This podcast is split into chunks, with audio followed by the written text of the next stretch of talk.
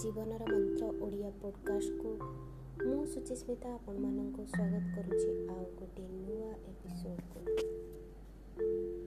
ଶ୍ରୋତା ବନ୍ଧୁ ଆପଣମାନେ ସମସ୍ତେ ଛୋଟବେଳେ ମିଛୁଆ ରାଧୁଆ ଗପ ନିଶ୍ଚିନ୍ତ ଶୁଣିଥିବେ। ରାଧୁଆ ଥିଲା ଭାରି ବଗଲିଆ। ସେ ବଣରେ ଛେଳି ଚରାଉଥାଏ। ମଜା ଦେଖିବ ବୋଲି ଥରେ ମିଛରେ ମିଛରେ ଡାକ ଛାଡ଼ିଲା ଧାଇଁ ଆସ ଗାଁ ବାଲା ମୋତେ ବାଘ ନେଇଯାଉଛି। ଗାଁ ବାଲା ଡାକ ଶୁଣି ତାକୁ ରକ୍ଷା କରିବାକୁ ଧାଇଁ ଗଲେ ସେମାନେ ପହଞ୍ଚି ଦେଖିଲେ ଯେ ବାଘ ବାଘ କେହି ନାହାନ୍ତି। ରାଧୁଆ ଗଛରେ ଚଢ଼ି ତାଙ୍କ ଆଡ଼କୁ ଚାହିଁ ହୋ ହୋ ହୋଇ ହସୁଛି। ସେମାନେ ଫେରି ଆସିଲେ। ତା ପରଦିନ ରାଧୁଆ ପୁଣି ସେଇ ଚାଲାକି ଦେଖେଇଲା ଏବଂ ପୁଣି ସେହି ଏକା କଥା ଘଟିଲା। ଲୋକେ ଆସିଲେ ଆଉ ଫେରିଗଲେ। ତାପରେ ଦିନେ ରାଧୁଆ ଛେଳି ଚରାଉଥିବା ବେଳେ ସତ ସତିକା ବାଘଟିଏ ଦେଖିଲା ଏବଂ ସାହାଯ୍ୟ ପାଇଁ ଚିତ୍କାର କଲା। ଲୋକମାନେ ତା ଡାକ ଶୁଣିଲେ କିନ୍ତୁ ଏଥର କେହି ଆସିଲେ ନାହିଁ। ସେମାନେ ଭାବିଲେ ଇଏ ରାଧୁଆର ଆଉ ଗୋଟେ ନୂଆ ଚାଲ। ରାଧୁଆ ଆଖି ଆଗରେ ଛେଳି ସବୁ ବାଘ ନେଇ ଚାଲିଗଲା। ଶ୍ରୋତା ବନ୍ଧୁ ଏଥର କୁହନ୍ତୁ ଏ ଗପରୁ ଆମେ କ'ଣ ଶିଖିଲେ? ଆମେ ଏଥିରୁ ଶିଖିଲେ ଯେ ଲୋକମାନେ ଯେତେବେଳେ ମିଛ କହନ୍ତି ସେମାନେ ବିଶ୍ୱାସନୀୟତା ହରାଇ ବସନ୍ତି। ଥରେ ଜଣେ ବିଶ୍ୱାସନୀୟତା ହରାଇ ଦେଲେ ସେ ପରେ ଯେତେ ସତ କହୁନା କାହିଁକି କେହି ତାକୁ ବିଶ୍ୱାସ କରନ୍ତିନି। ଜଣେ ଚରିତ୍ରବାନ ବ୍ୟକ୍ତିର ସାଧୁତା ହେଉଛି ସବୁଠୁ ବଡ଼ ଗୁଣ। ତେଣୁ ଦୁଇ ପ୍ରକାର ସତ୍ୟର ସ୍ୱରୂପ ହାନି ହୋଇଥାଏ। ଅର୍ଦ୍ଧ ସତ୍ୟ ବା ତଥ୍ୟ ଅତିରଞ୍ଜନ ବା ବନେଇ ଚୁନେଇ କୁହାଯାଇଥିବା ସତ୍ୟ ବା ସତ୍ୟର ଆଳାପ।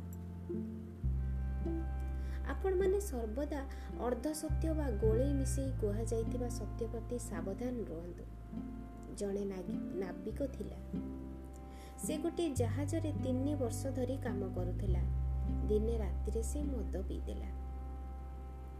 ତା ଜୀବନରେ ଏପରି ଘଟଣା ଥିଲା ପ୍ରଥମ। ଏ ଘଟଣାକୁ କ୍ୟାପ୍ଟେନ୍ ସାହେବ ରେଜିଷ୍ଟରରେ ଲିପିବଦ୍ଧ କରିଦେଲେ। ଆଜି ରାତିରେ ନାବିକଟି ମଦ ପିଇଛି। ନାବିକ ଏହାକୁ ପଢ଼ିଲା ଏବଂ ଜାଣିଲା ଯେ ଏହା ତାର ଜୀବିକା ଉପରେ ପ୍ରତିକୂଳ ପ୍ରଭାବ ପକାଇବ। ତେଣୁ ସେ କ୍ୟାପ୍ଟେନ୍ଙ୍କ ପାଖକୁ ଗଲା କ୍ଷମା ମାଗିଲା ଏବଂ ଏହା ତା ଜୀବନରେ ତିନି ବର୍ଷ ଭିତରେ କେବଳ ଥରଟିଏ ଘଟିଛି ବୋଲି ଲେଖି ଯୋଡ଼ିଦେବାକୁ କ୍ୟାପ୍ଟେନ୍କୁ କହିଲା। ଏହା ହିଁ ଥିଲା ପ୍ରକୃତ ସତ୍ୟ। କ୍ୟାପ୍ଟେନ୍ ମନା କଲେ ଏବଂ କହିଲେ ମୁଁ ରେଜିଷ୍ଟରରେ ଯାହା ଲେଖିଛି ତାହା ହିଁ ସତ୍ୟ। ତା ପରଦିନ ନାବିକର ରେଜିଷ୍ଟରରେ ଲେଖିବା ପାଳି ସେ ଲେଖିଲା କ୍ୟାପ୍ଟେନ୍ ଆଜି ରାତିରେ ମଦ ପିଇ ନଥିଲେ। କ୍ୟାପ୍ଟେନ୍ ଏହା ପଢ଼ିଲେ ଏବଂ ନାବିକକୁ ଏହା ବଦଳାଇବାକୁ ବା ଏଥିରେ ଆଉ କିଛି ଯୋଗ କରିବାକୁ କହିଲେ। କାରଣ ଏଥିରୁ ବୁଝା ପଡ଼ୁଥିଲା ଯେ ସେ ଆଉ ସବୁ ରାତିରେ ମଦ ପିଅନ୍ତି। କେବଳ ଆଜି ରାତିରେ ପିଇନାହାନ୍ତି। ଯାହାକି ପ୍ରକୃତ ସତ୍ୟ ନୁହେଁ। ନାବିକ କହିଲା ସେ ରେଜିଷ୍ଟରରେ ଯାହା ଲେଖିଛି ତାହା ହିଁ ସତ୍ୟ। ଦୁଇଟି ଯାକ ବାକ୍ୟ ସତ୍ୟ। କିନ୍ତୁ ଦୁଇଟିକୁ ଆମେ ଯାହା ଦୁଇଟିରୁ ଆମକୁ ଯାହା ସନ୍ଦେଶ ମିଳୁଛି ସେଥିରୁ ପ୍ରକୃତ ସତ୍ୟ କେଉଁଟା ବୁଝା ପଡ଼ୁନାହିଁ ତେଣୁ ସତ୍ୟର ଅପଳାପ ବା ଅତିରଞ୍ଜିତ କେମିତି ଜାଣିବା ଆମେ? ଏହା ଯେ କୌଣସି ଲୋକର କଥାକୁ ଦୁର୍ବଳ କରିଦିଏ ଏବଂ ତାର ବିଶ୍ୱସନୀୟତାକୁ ନଷ୍ଟ କରେ। ଏହା ନିଶା ଦ୍ରବ୍ୟ ପରି ଧୀରେ ଧୀରେ ଅଭ୍ୟାସରେ ପଡ଼ିଯାଏ। କେତେକ ଲୋକ ଅତିରଞ୍ଜନ ବା ସତ କଥା କହିପାରନ୍ତି ନାହିଁ।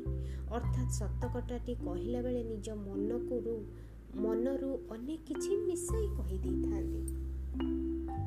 ତେଣୁ ଶ୍ରୋତାବନ୍ଧୁ ଆପଣ ସବୁବେଳେ ସରଳ ଏବଂ ନିଷ୍କପଟ ରୁହନ୍ତୁ। ଛୋଟ ଛୁଆଙ୍କ ପରି ଇଚ୍ଛାରୁ ହିଁ ନିଷ୍କପଟତା ଜନ୍ମ ହୁଏ।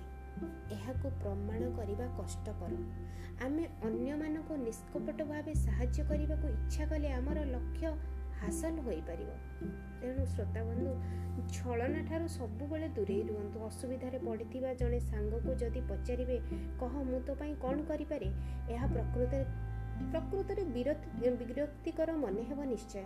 ଏହା ଛଳନା ବ୍ୟତୀତ ଆଉ କିଛି ନୁହେଁ। ଯଦି ଆପଣ ସତରେ କାହାକୁ ସାହାଯ୍ୟ କରିବାକୁ ଚାହୁଁଛନ୍ତି ଚିନ୍ତା କରି ଯେକୌଣସି ଉଚିତ କାମ ବାଛି ନିଅନ୍ତୁ ଏବଂ କରିଚାଲନ୍ତୁ ଅନେକ ଲୋକ ନିଜର ସ୍ୱାର୍ଥପରତାକୁ ଲୁଚାଇବା ପାଇଁ ନିଷ୍କପଟତାର ମୁଖା ପିନ୍ଧିଥାନ୍ତି। କାହିଁକି ନା ସେମାନେ ଅସୁବିଧାରେ ପଡ଼ିଲେ ସେମାନେ ସାହାଯ୍ୟ ପାଇବା ପାଇଁ ନିଜର ଅଧିକାର ସାବ୍ୟସ୍ତ କରିପାରିବେ। ମିଛି ମିଛିକା ଅର୍ଥହୀନ ଔପଚାରିକତା ଔପଚାରିକତା ଠାରୁ ଦୂରେଇ ରୁହନ୍ତୁ। ସାବଧାନ। ନିଷ୍କପଟତାର ଉତ୍ତମ ବିଚାରର ମାପକାଠି ନୁହେଁ ଜଣେ ନିଷ୍କପଟ ହୋଇ ବି ଭୁଲ କରିପାରେ। କଥାରୁ ନୁହେଁ କାମରୁ ହିଁ ଅଧିକ ମହତ୍ଵ ଜଣାପଡ଼େ କାହାର ପ୍ରୀତି ବେଶୀ ମଧୁର। କୁନି ପିଲା ଜନ୍ କହିଲା ମା ମୁଁ ତୋତେ କେତେ ଭଲ ପାଏ। ତାପରେ ନିଜ କାମ ଛାଡ଼ି ସେ ବଗିଚାକୁ ଦୋଳି ଖେଳିବାକୁ ଚାଲିଗଲା। ପାଣି ଆଉ ଜାଳେଣୀ ଛାଡ଼ି ଦେଇଗଲା। ମା ମୁଁ ତୋତେ ଭଲ ପାଏ। ଅଳି କରି ନେଲ୍ କହିଲା। ମୁଁ ତୋତେ ଏତେ ଭଲ ପାଏ ଯେ କଥାରେ କହିପାରିବିନି। ତାପରେ ସେ ଦିନରୁ ଅଧା ଅଧି ମାଆକୁ ଚିଡ଼େଇବାରେ ବ୍ୟସ୍ତ ରହିଲା। ସେ ଖେଳିବାକୁ ଗଲା ପରେ ମା ଶାନ୍ତିରେ ନିଶ୍ୱାସ ମାରିଲେ ଟିକି ଫ୍ୟାନ୍ କହିଲା ମା ତୋତେ ମୁଁ ଭାରି ଭଲ ପାଏ। ଆଜି ମୁଁ ପାରୁ ପର୍ଯ୍ୟନ୍ତ ତତେ ସାହାଯ୍ୟ କରିବି। ସ୍କୁଲ ଛୁଟି ମୁଁ ଭାରି ଖୁସି। ସାନ ଭାଇକୁ କୋଳରେ ଝୁଲାଇ ଝୁଲାଇ ଶୋଇ ପକାଇଲା। ତାପରେ ଧୀରେ ଧୀରେ ପାଦ ପକାଇ ଝାଡ଼ୁ ଆଣିଲା ଆଉ ଘର ଓଳାଇଲା। ଦିନ ସାରା ସେ କାମରେ ବ୍ୟସ୍ତ ରହି ବେଶ୍ ଖୁସି ଥିଲା।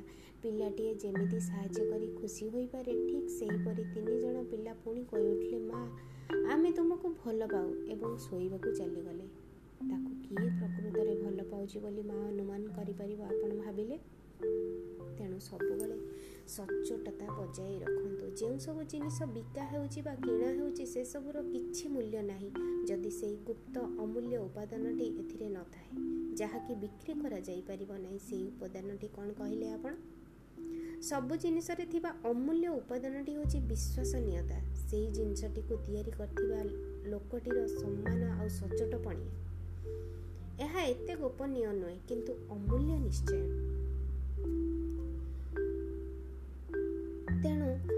ସବୁବେଳେ ସଚ୍ଚୋଟ ହେବାକୁ ଚେଷ୍ଟା କରନ୍ତୁ ନିଷ୍କପଟ ହେବାକୁ ଚେଷ୍ଟା କରନ୍ତୁ ସରଳ ହେବାକୁ ଚେଷ୍ଟା କରନ୍ତୁ ନିଷ୍ପାପ ହେବାକୁ ଚେଷ୍ଟା କରନ୍ତୁ। ଶ୍ରୋତା ବନ୍ଧୁ ଆଶା କରୁଛି ଆଜିର ଏହି ଏପିସୋଡ଼ଟି ଆପଣଙ୍କ ମନକୁ ନିଶ୍ଚୟ ଛୁଇଁ ପାରିବ। ଆଜି ପାଇଁ ଏତିକି। ପୁଣି ମୁଁ ଆପଣମାନଙ୍କ ପାଖକୁ ଆସିବି। ଆଉ ଏକ ନୂଆ ଏପିସୋଡ଼ରେ ରହୁଛି। ନମସ୍କାର।